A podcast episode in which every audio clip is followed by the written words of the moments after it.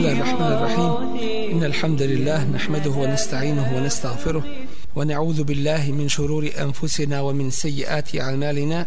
من يهده الله فلا مضل له ومن يضلل فلا هادي له. وأشهد أن لا إله إلا الله وحده لا شريك له. وأشهد أن محمدا عبده ورسوله. أرسله الله بالحق بشيرا ونذيرا بين يدي الساعة من يطع الله ورسوله فقد رشد. ومن يعص الله ورسوله فلا يضر إلا نفسه ولا يضر الله شيئا. أما بعد فإن أصدق الحديث كتاب الله وخير الهدي هدي محمد صلى الله عليه وسلم وشر الأمور محدثاتها وكل محدثة بدعة وكل بدعة ضلالة. ثم أما بعد Nastavljamo naše kazivanje o zekijatu ovog puta o tome na što se sve daje zekijat i u kolikoj mjeri i količini. Nakon što je bilo već govora o statusu zekijata u islamu, njegovoj važnosti i vrijednosti, nekim od mudrosti i koristi, potom uslovima koje čovjek treba da ispuni da bi bio dužan da dadne zekat. Bilo je nešto govora i o tome kakva kazna slijedi onome koji ne plaća zekat, onome koji ne izdvaja zekat iz svoga imetka i time ga ne čisti. Ovom prilikom sa Allahom te baraka wa ta'ala pomoći govorimo o vrstama imetka na koje se daje zekat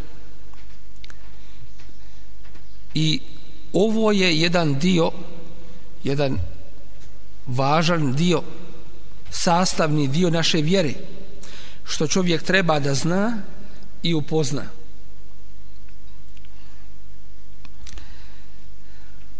Zekat se daje na pet vrsta imetka. Daje se na novac vrijednostne papire a u osnovi se daje za zlato i za srebro. Doćim na istom je propisu i novac i vrijednostni papiri koji su u opticaju. Zato što umjesto zlata i srebra oni su danas u opticaju i ljudi to koriste u svojim svakodnevnim potrebama i imaju tu vrijednost. Zatim zekijat se daje na stoku u različitim količinama i veličini. Zatim se daje na poljoprivredne proizvode pod određenim uslovima koji će biti spomenuti inšala. Zatim se daje na trgovačku robu i peta vrsta daje se na rude i sirovine koje čovjek izvadi iz zemlje. Svaki od ovih spomenutih vrsta i metka ima svoj poseban poseban propis pa sa Allahom te baraka ta'ala pomoći nastojaćemo da to da se to ukratko pojasni. Davanje zekijata na zlato i srebro. Čemu se pridružuju novac i vrijednosni papiri? Onaj ko kod sebe ima 85 grama zlata i više od toga ili 595 grama srebra. Ili ima u novcu i vrijednostnim papirima tu količinu. Dakle mogao bi svojim novcem koji posjeduje kupiti tu količinu zlata ili srebra ili više od toga, takav je dužan nakon što taj imetak preko godini, to jeste, dočeka haul, a haul to je godinu dana, da izdvoji zekijat na to u iznosu od 2,5%.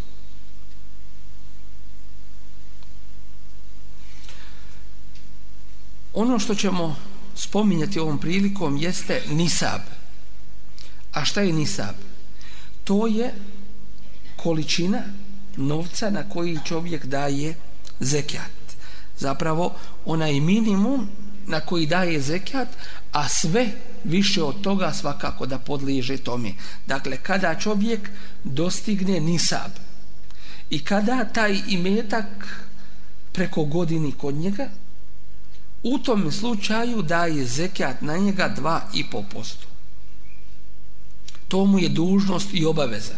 I to je jedan, rekli smo, od temelja Islama.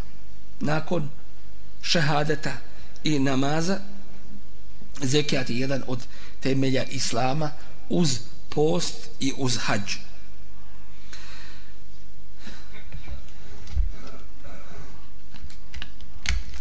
To je procijenjeno ovo što je vezano za za zlato i za srebro. Vezano je i procijenjeno je u istoj mjeri i količini koja se prije koristila i vagala, a to je u zlatu 20 miskala. A jedan miskal iznosi po današnjem računanju 4,25 grama.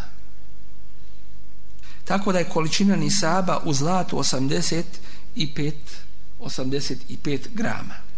Što se tiče nisaba ili minimalne količine vrijednosti u srebru, ona iznosi 200 dirhema po prijašnjem računja, računanju. A jedan dirhem je težak 2,975 grama. Tako da nisab u srebru iznosi 595 grama. Potom je dobivena dakle, ova količina koju mi danas koristimo ili mjera koju koristimo u određivanju težine, a to su grami. Što se tiče novca i vrijednostnih papira, količina nisaba, to jeste minimalna količina na koju se daje zekijat, određuje se tako što se njegova vrijednost, vrijednost toga novca ili njegova količina, što se izjednači ili što se procijeni u visini zlata, to jeste 95 grama zlata ili 595 grama srebra. Kada pretvori se dakle novac ili njegova vrijednost u ono što je vrijednost u dotičnom vremenu i mjestu zlata i srebra dobije se nisab u novcu. Dakle, danas je to vrlo lahko jednostavno izračunat, to jeste 85 grama zlata puta koliko je zlato danas kolika mu je vrijednost, potom mi se izračuna kolika je minimalna svota novca koju čovjek treba da ima da bi dao zekijat uz uslov da, da je preko godinio kod nekoga. Što se tiđe samih novčanica koje su raznovrsne, to se uopšte ne uzima kao problematično pitanje. Dakle, čovjek sve te novčanice saberi, sakupi bez obzira koje vrste one koje vrste one bile i izračuna konačno koliko, koliko treba da dadne za zekijat. Dakle, bez obzira o kojoj vrsti novčanica se radilo.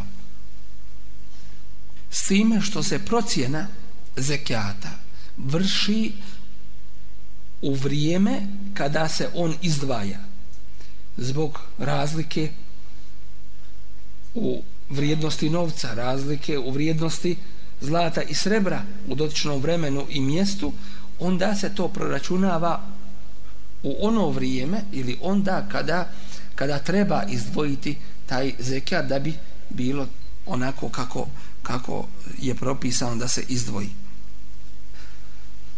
Što se tiče povećanja novca iznad nisaba, to jeste onaj ko ima više od one minimalne količine na koju se daje zekat, takav će shodno povećanju i dati, dati i zekat. Dakle, neće se računati nisab pa onda ono što pređe iznad ili ono što pređe nisab da se ponovo drugi nisab računa ne nego nisab je minimalna količina na koju se daje a svako dalje povećanje veće ili manje pridodaje se tome nisabu i računa se 2,5% od cijelokupnog imetka. Ovdje se postavlja pitanje šta je sa nakitom koji se upotrebljava. Žene koje imaju veliku količinu nakita. Da li za taj nakit da li se za taj nakit daje daje zekijat Porađe ili po stavu islamskih učenjaka koji je jači i ima čvršće dokaze jeste da se daje zekjat na nakit koji se nosi. Da se daje zekjat na nakit koji nose žene. Šta je dokaz za to? Dokaz za to su mnogobrojni hadise Allahovog poslanika sallallahu alaihi ve sellem od kojih je gdje kaže alaihi salatu wasalam u hadisu kojeg bilježi imam Ebu Davud i Nesaija sa Hasan prihvatljivim senedom i lancom prenosilaca da je vidio Allahu poslanik sallallahu alaihi ve sellem na ruci jedne žene dvije narokvice zlatne. Ra'a bi jedim ra'atin sivarejni min zeheb fa kale etu'atina zekate hada pa ju je upitao daješ li zekat na ovo? A ona reče la ne dajem. Kale jesurruki en yusawwiraki Allahu bihima yawm al-qiyamati siwarayni min nar da li bi ti bilo drago da ti Allah na kijametskom danu stavi dvije narukvice od džehennemske vatre. Fe elqathuma, pa je ona to skinula sa sebe, wa qalat huma lillahi wa li rasulihi. I rekla je, to pripada Allahu i njegovom Resulu. To jeste, ona to daje kao, kao sadaku. Iako to nije bilo od nje traženo. Ali to je veličina i vrijednost ashaba Allahovog poslanika sallallahu alejhi ve sellem uzima i daje to kao kao sadaku kao iskup zato što je do tada tako bilo dakle želi da se iskupi iz, iskupi iz toga griha. Dakle obaveza je bila da daje da daje zekat na to i ovo je jedan od dokaza koji potvrđuju da se daje zekat na ženski nakit koji se koji se nosi. Zatim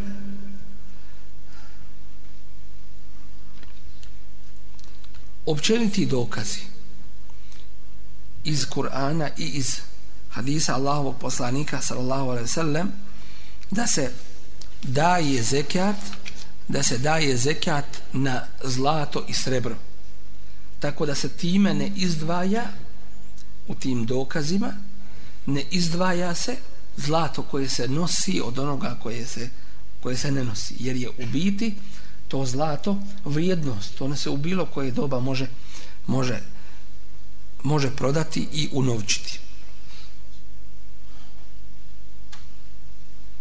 Zatim od dokaza jeste i hadis Allahog poslanika samo u kojem kaže ma min sahibi zehebin au fiddatin. Nema ni jednoga posjednika ili vlasnika zlata ili srebra. La yuaddi zakataha koji ne daje zekat na to illa idha kana yawm al-qiyamati a da neće kada bude na kijametskom danu sufihat lahu safaihu min nar a da mu se neće to napraviti džehennemskim pločama ili pločama u džehennemskom vatri. Hadis je poduži spomenut je u proteklom kazivanju. Zatim ono što je spomenuto od ummi Seleme radijallahu anha enneha kanet telbisu eudahan min zeheb da je oblačila nakit od zlata. Fe kalet ja Resul Allah pa reče o Allahu poslaniće e kenzun hada e kenzun hu je li ovo riznica?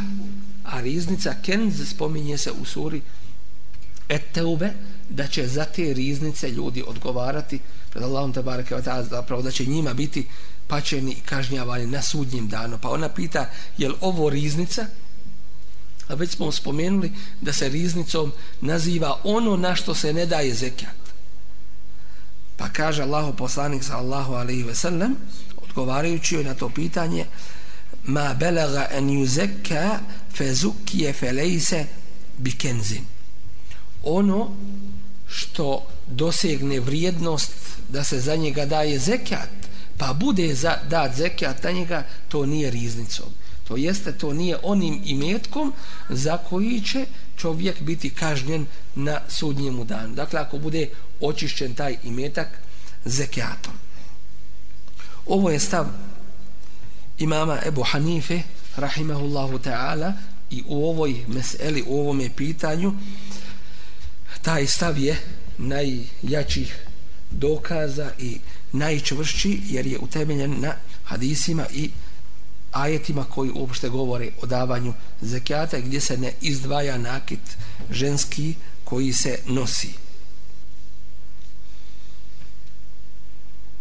Što se tiče nakita od bisera, dragog kamenja i tome sličnog, mimo zekijata, mimo zlata i srebra, nemamo u šarijatu dokaza nemamo u šarijatu dokaza za to da se daje zekat. A šarijat i Allahu tabaraka wa ta'ala vjerozakon je zasnovan na na dokazima a ne na mišljenjima ljudi i pretpostavkama. Tako da zato nemamo dokaza da se daje zekat osim ako se radi o trgovačkoj robi a na trgovačku robu dužnost je izdvojiti izdvojiti zekijat, o čemu, o čemu ćemo šala posebno da kažemo i spomenimo ovdje se postavlja jedno drugo pitanje a to je kako se daje zekijat na platu? Kako se daje zekijat na, na platu? Imaju dva načina davanja zekijata na platu koju čovjek prima. Prvi način je da čovjek svojoj plati koju dobije ili svaku platu koju dobije da svakoj plati broji godinu dana od njenog uzimanja. A svaka plata ima svoj ima svoj nisab. Tako da čovjek na ovaj način skida obavezu sa sebi. Drugo je to je mustehab i pogodnije za siromahe, a to je da uzme jednu mjeru za sve plate. I kada prođe godina od prvog primanja plate, daje zekijat na sve što posjeduje, na sve što posjeduje kod sebe. Dakle, to je ono što je vezano za za platu i imovinu i metak koji čovjek posjeduje. Dakle, zlato, srebro i novac i vrijednostni papiri koji su u vrijednosti zlata i srebra. Drugo je trgovačka roba. To je roba koja je pripremljena ili kojom čovjek ima namjeru da trguje i zarađuje na njoj. Ona se procjenjuje na kraju godine. Takva roba se procjenjuje na kraju godine i od nje se ili iz nje se izdvaja, to jeste od njene vrijednosti, četvrtina desetini. Koliko je to? Dva i po posto opet. Bez obzira da li njena vrijednost bila kao kada je kupljena ili veća ili, ili manja po hadisu Allahog poslanika sallallahu alaihi ve sellem kojeg bilježi imam Ebu Davud, a gdje kaže Allaho poslanik sallam spominje nam Semure كان رسول الله صلى الله عليه وسلم يأمرنا أن نخرج الصدقة من الذي نعده للبيع Allahu poslanik sallallahu alaihi ve sellem nam je narađivao da dadnemo zekat u ovom slučaju ovdje sadaka koja se spominje sadaka je u značenju u značenju zekijata. Naredio nam je da dajemo zekijat ili izdvajamo zekijat od onoga što smo pripremili za trgovinu. Dakle, onaj ko ima trgovačku robu, takav će na kraju godine kada, kada prođe onaj haul, kada prođe taj period od godinu dana, tada će procijeniti tu robu i na vrijednost te robe daće 2,5% što se tiče robe koja je prodata šta je s, njim, s njom? Neko će pitat neka roba je ostala ona će se procijeniti. To dakle čovjek na kraju godine te kada je kada je uzeo da računa na kraju te godine napravi ono što danas zovu inventuru jel se to tako zove? Dakle i pobilježi svu robu zapiše vrijednost i na osnovu toga izdvoji na osnovu toga izdvoji zekat doći ima robe koja je prodata šta je s njom? Ona se priključuje njenom aslu. Ona se priključuje osnovi imetka. To je u stvari tvoj imetak. Bio u robi ili bio ili bio šta? Ili bio u novcu. Kad to unovčiš, priključuje se onome imetku koji si imao i ne čeka se za njega novi haul. To jeste novi godinu dana. Nadam se da je ovo pitanje svačeno i da se razumilo. Isto pitanje sa kućama koje su pripremljene za za šta? Za prodaju. Ako čovjek napravi stanove, napravi kuće i tako dalje, ali ima namjeru da da šta radi? Da to proda. U tom je slučaju ista je, ist, isti je princip kao što je isti princip sa zemljom ima kupio dosta zemlje, onda je rasparča i prodaje i tako dalje. Dakle, gleda se na namjeru koju on ima sa tom zemljom da učini ili sa tim nekretninama. Da ne znam koliko imaš zemlje, ako ti to skoristiš za svoje potrebe, na to ne daješ zekijat. Doćim, ako iznajmljuješ, to je isti slučaj kao kada daješ kuće pod kiriju, daješ kola pod kiriju i tako dalje. U tom je slučaju od, od onoga što zarađuješ do izdvajaš izdvajaš e, zekijat isto je i sa i sa kućama imaš jedno, dvije, tri, koliko imaš kuća. Ako je tvoja lično kuća stanuješ u njoj, tvoja porodica ne daješ na to zekijat. A ako si je pripremio za, za prodaju da to prodaš u tom slučaju svake godine daješ na nju zekijat u vrijednosti njenoj odvojiš 2,5% a kad je prodaš onda od zarade odvajaš 2,5% i ne čekaš novi haul, novu godinu dana. Doćim ako te kuće, te stanove držiš da zaradiš preko kirije koju, koju dobivaš od stanara u tim prostorijama, to je kao i to je kao i zarada. Dakle, izdvajaš 2,5% od, od dobitka te kirije. Isto je i sa kolima koja se, ako su tvoja lična kola, ne plaćaš na to zekijat. Ako si pripremio kola za prodaju i godinu dana stoje kod tebe, plaćaš na to. Ako si ih prodao od, od prodaje i tako dalje. Isto je sa iznajmljivanjem mašina. Da čovjek iznajmljuje razne mašine za gradnju i tako dalje. Dakle, isti je slučaj da ne bismo sada ovaj to ponavljali. Da napomenemo još ono što je vezano za za kuće i za stanove. Dakle, zekat se daje e, u pogledu onih kuća i stanova koje su određene za kiriju, za iznajmljivanje, a ne za prodaju, daje se iz one kirije iz, iz dobiti koja se dobije kada prođe kada prođe haul, to jeste kada e, napuni godinu dana. Ali se na njih same, to jeste na te kuće i na, i na E, te stanove, ne daje zekija zato što nisu oni namijenjeni za prodaju u osnovi.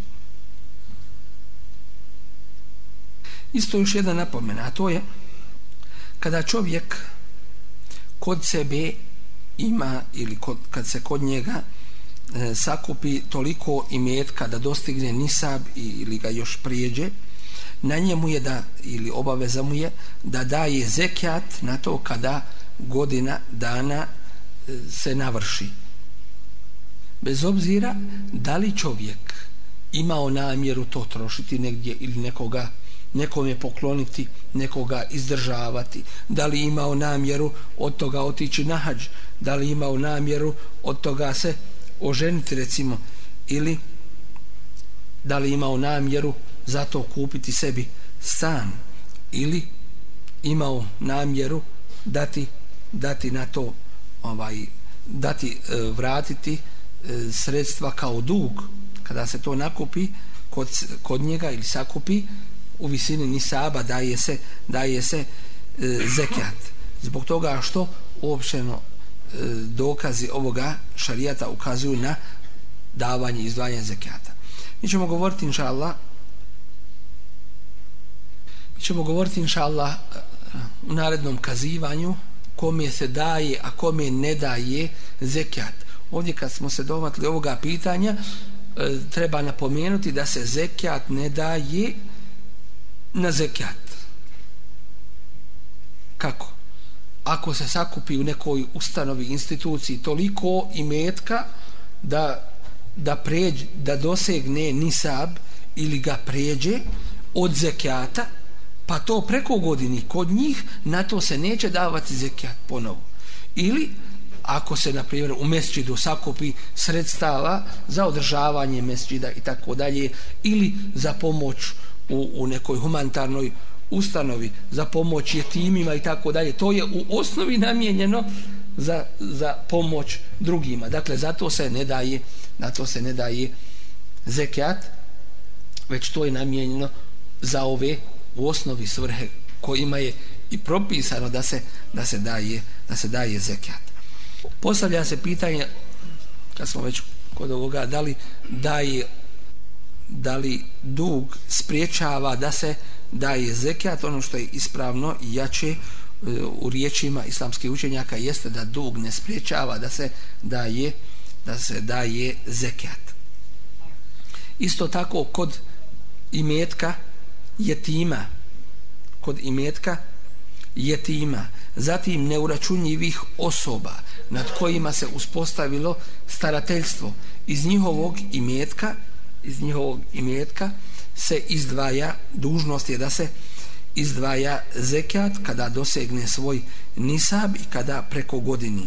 A to će učiniti umjesto njih njihovi zastupnici, njihovi, njihovi staratelji. Dakle, izdvojit će iz njihovog imetka taj nisab sa nijetom zekata po hadisima Allahovog poslanika sallallahu alaihi ve sellem kada je rekao Muazu poslavši ga u Jemen inna Allah eftarada alaihim sadaqatan fi emualihim tuhadu min agnijaihim wa turaddu fi fuqaraihim.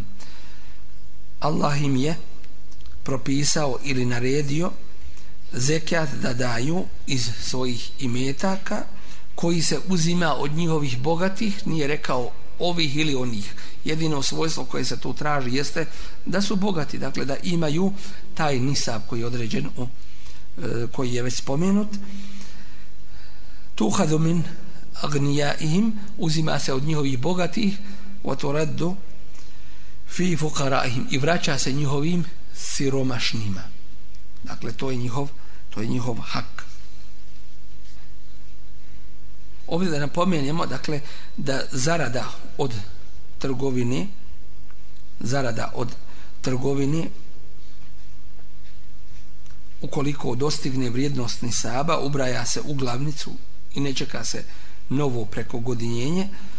Osim ukoliko se nisab glavnice upotpuni sa tom zaradom dakle nisab nije bio upotpunjen osim kada mu se priloži ta zarada. U tome slučaju se čeka novi havl to jeste nova godina dana i počinje se brojati od vremena u kojem se upotpunio taj od vremena u kojem se kojem se upotpunio taj nisab.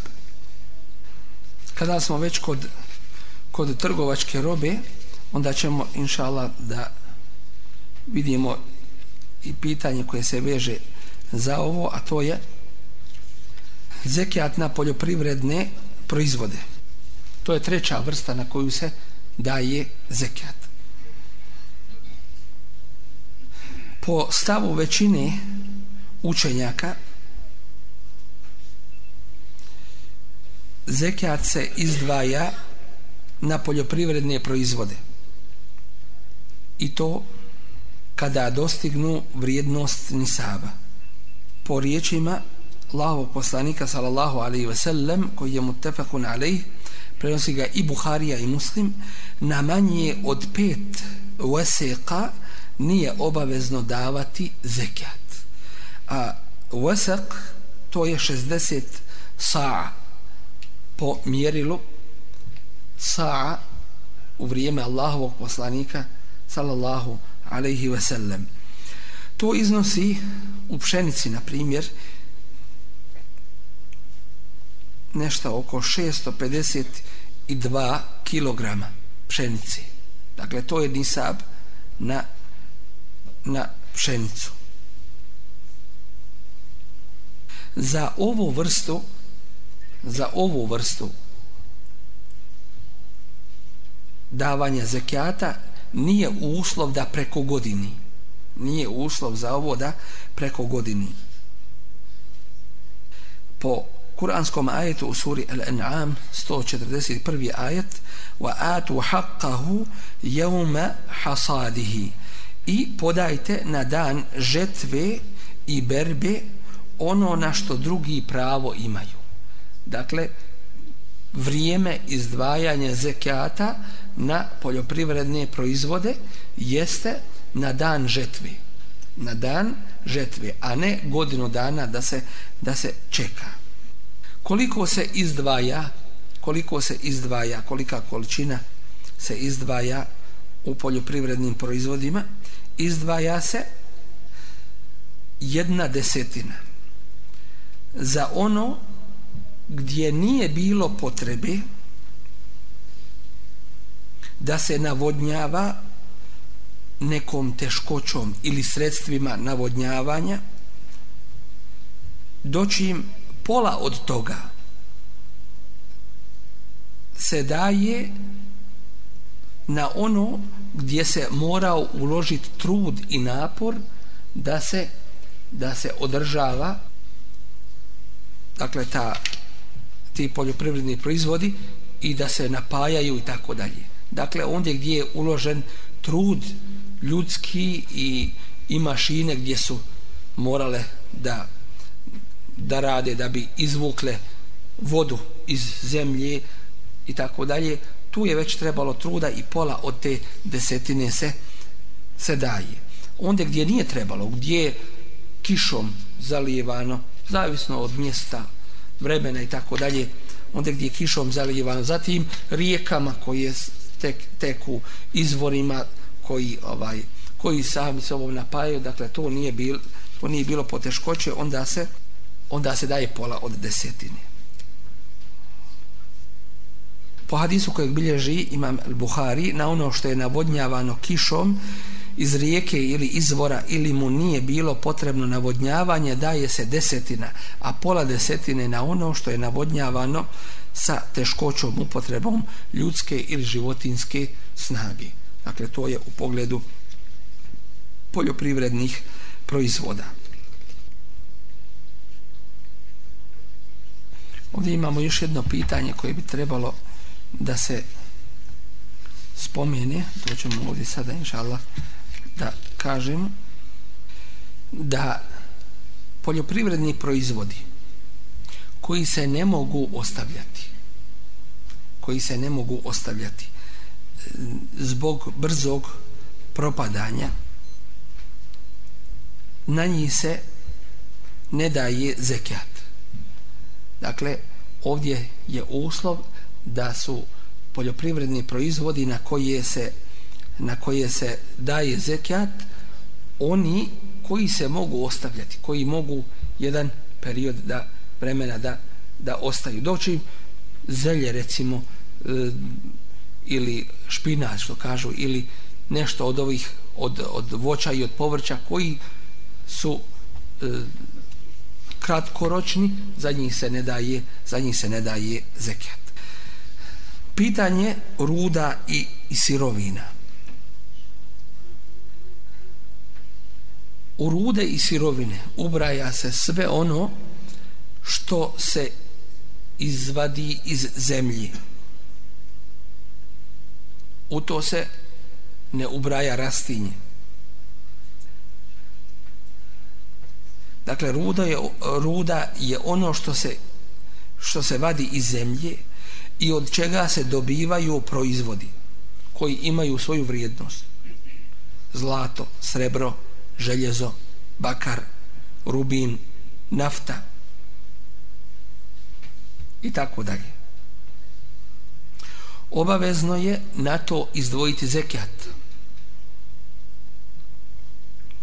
Kur'anski ajet u suri Al-Baqari kaže Allah tabaraka wa ta'ala u 267. ajetu Ja ayuha alladhina amenu anfiqu min tayyibati ma kasabtum wa mimma akhrajna lakum min al-ard ovi koji vjerujete udjeljujte od lijepih stvari koje stječete i od onoga što vam mi iz zemlje dajemo.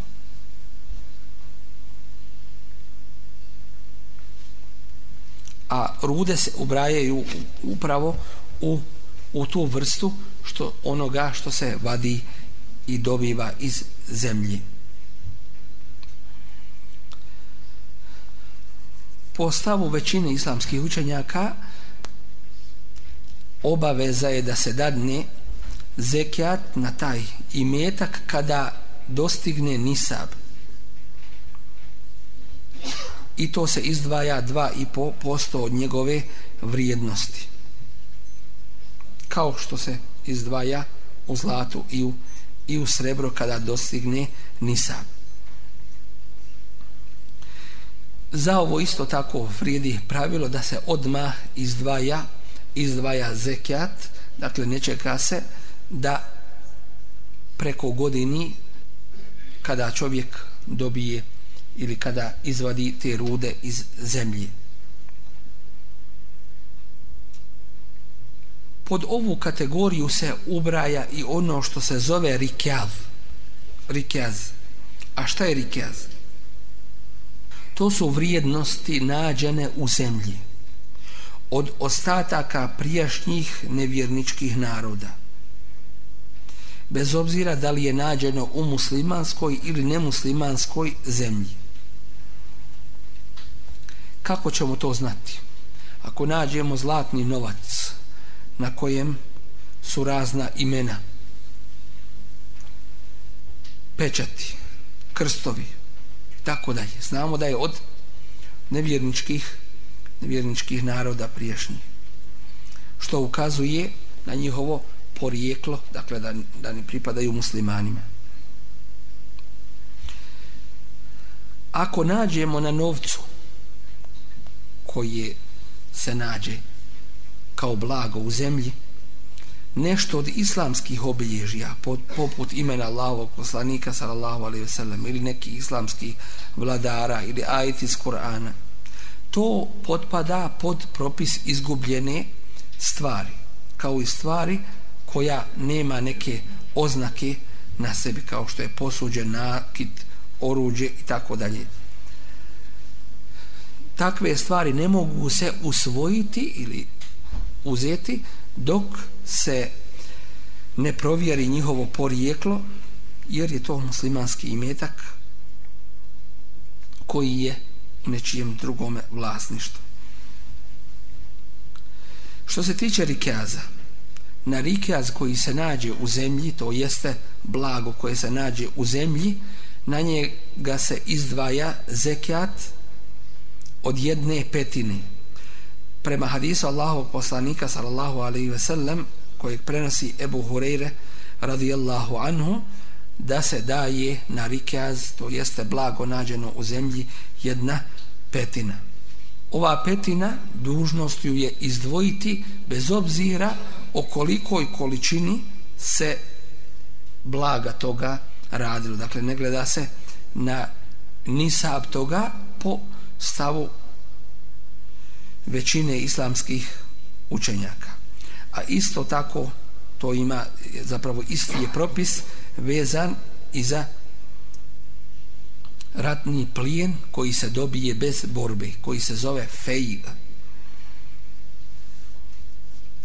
Ostatak imetka pripada po mišljenju islamskih učenjaka onome koji ga je našao onako kako je postupio Omer radijallahu anhu koji je ostatak nađenog blaga predao onome koji ga je našao. Ostaje nam još pitanje jedno da obradimo ovom prilikom, a to pitanje je vezano za zašto? Vezano je za stoku. Kako se daje zekijat na stoku? Na stoku je obavezno izdvojiti zekijat pod uslovom da je bila na ispaši većim dijelom godine. Prema većini se donosi propis i za ostatak. Dakle, ako je stoka većim dijelom godine bila na ispaši, onda pod određenim uslovima obavezno je dati zekijat na nju. Hadis kojeg bilježi imami Ahmed, Ebu Davud i Nesaija od Allahovog poslanika sallallahu alaihi ve sellem spominje da je obavezno da se da se izdvoji da se izdvoji zekijat na stoku koja je bila na ispaši. I hadis koji bilježi isto tako u tome smislu imam El Buhari. Pod uslovom svakako da ta stoka dostigne svoj nisab i da preko godini. Koji je nisab stoke? Mi ćemo ovdje ukratko to samo spomenuti, ovo pitanje je poduže, ali ćemo ga ukratko samo spomenuti kao orijentaciju jednu. Što se tiče goveda, od 30 do 39 goveda daje se jednogodišnje tele za zekat. Od 40 do 59 dvogodišnja krava. Od 60 do 69 dvoje jednogodišnje teladi. teladi. Od 70 do 79 jednogodišnje tele i dvogodišnja krava. I iznad 79 na svako 30 goveda daje se jednogodišnje tele, a na svako 40 dvogodišnja krava. pod uslovom koji smo spomenuli, a to je da je već, veći dio godine bila na ispaš. Što se tiče sitne stoke, zekijat se ne daje ispod, na stoku ispod 40 njih. Od 40 ovaca do 120 ovaca daje se jedna ovca. Od 121 do 200 daju se dvije ovce od 201 do 300 daju se tri ovce i iznad 300 ovaca na svaku stotinu daje se po jedna ovca. To je lako. Svat. I što se tiče deva, kod nas nema deva. Samo da napomenemo, od 5 do 9 deva dolazi jedna ovca. A zekijat. Od 10 do 14 dvije ovce, od 15 do 19 tri ovce od 20 do 24 četiri ovce od 25 do 35 žensko devče od godinu dana koje se zove Bintu Mehad od 36 do 45 žensko devče od dvije godine Bintu Lebun od 46 do 60 trogodišnja deva Hekka se zove i tako dalje po po ovoj mjeri. Dokaz za ovo je hadis Enesa radijallahu anhu koji kaže da mu je Ebu Bekr radijallahu anhu napisao pismo kada ga je poslao u Bahrein u kojem je podrobno stajalo i spomenuto koliko će koliko će se davati zekijata na koju vrstu stoke. Ovaj hadis bilježi imam El Buhari. Što se tiče zekijata na goveda, dokaz za ovo i ono što prenosi Muaz ibn Džebel radijallahu anhu gdje kaže da ga je Allahu poslanik sallam poslao u Jemen i da mu je naredio na svakih 30 goveda uzme za zekijat jedno jednogodišnje tele a za svakih 40 jednu dvogodišnju kravu. Ovaj hadis bilježi imami Ahmed i drugi prenosioci. Ovdje treba napomenuti da mladunčad stoki mladunčad stoki ulaze pod glavnicu i metka kada dostigne svoj nisab. Dakle, priključuje se glavnici toga i metka. A ukoliko se nisab upotpuni tim mladunčetom, onda se haul preko godinjenja toga počinje brati od vremena u kojem je upotpunjen sam nisab. Ako je stoka namijenjena za trgovinu, na nju se daje zekat kao na trgovačku robu. Dakle, ne kao ova procjena zekijata koju smo sada spomenuli, nego kao zekijat na trgovačku robu. A ako je namijenjena za rad ili rasplodnju, onda čovjek nije dužan na to dati zekijat po hadisu riječima Allahog poslanika sa sallam kojeg bilježi imam i Buharija i muslim da musliman nije obavezan davati zekijat na svoga roba niti na, na konja. Dakle ono što mu, što mu radi. Ono što mu radi. Doći im ako ako iznajmuje tu stoku da je pod kiriju onda ulazi pod, pod najam. Dakle ta kirija se ta kirija se e, računa. To su uopšteno bila pitanja vezana za ono na što se daje za ono na što se daje zekat. Ovdje se postavljaju neka pitanja. Pitanja ima puno. Da li će čovjek dati zekat na imetak? Da li će dati zekat na imetak koji je posudio drugoj osobi?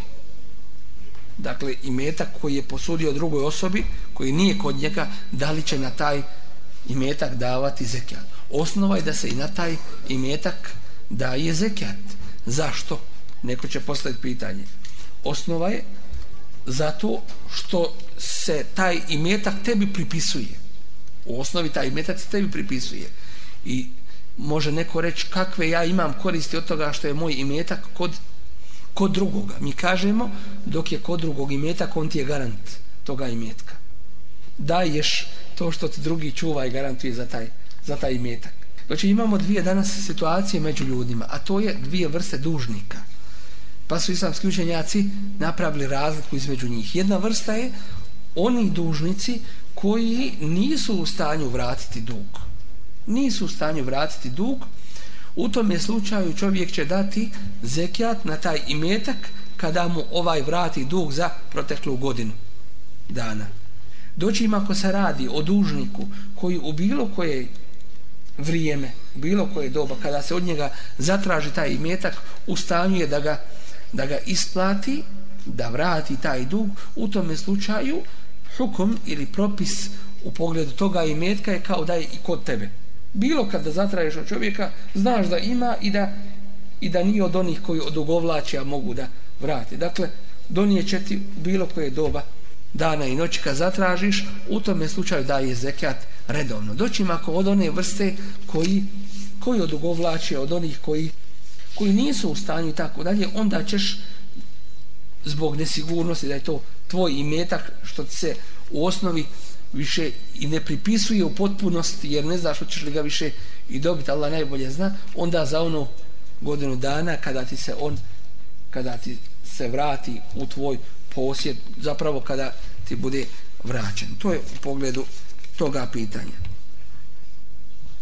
e, i da ovdje napomenemo da u ovom pitanju kao i svim drugim pitanjima čovjek je dužan bojati se Allah tabaraka wa ta'ala i ni u kome slučaju ne smije ići na bilo kakvu hilu ili zaobilaženje ovoga islamskog šarijatskog propisa to jeste u smislu da učini nešto prije nego što taj imetak preko godini kako bi se kako bi se oslobodio davanja zekijata što neki pokušavaju i čine kao što je slučaj i sa, i sa ramazanskim postom. Oni koji ne žele da, da poste pred, pred Ramazan odu na putovanje i kažu ja, ja sam putnik a nije mu bija namjera putovanja nego da izbjegne post. Neka su takvi svjesni da se igraju sa džehennemskom vatrom da takvi Allah te bareke ve ta'ala nisu niti mogu prevariti i da takvi sami sebe zavaravaju. Dužni su te obe Allahu te bareke ve taala doći pokajati se i iskreno Allahu te bareke ve taala svoju vjeru ispovijedati molim Allah te bareke ve taala da nam se smiluje da nas pouči propisima njegove vjere i da nam dadne da budemo u njegovom zadovoljstvu. Subhanakallahumma bihamdika ashhadu an la ilaha illa anta astaghfiruka wa atubu ilaik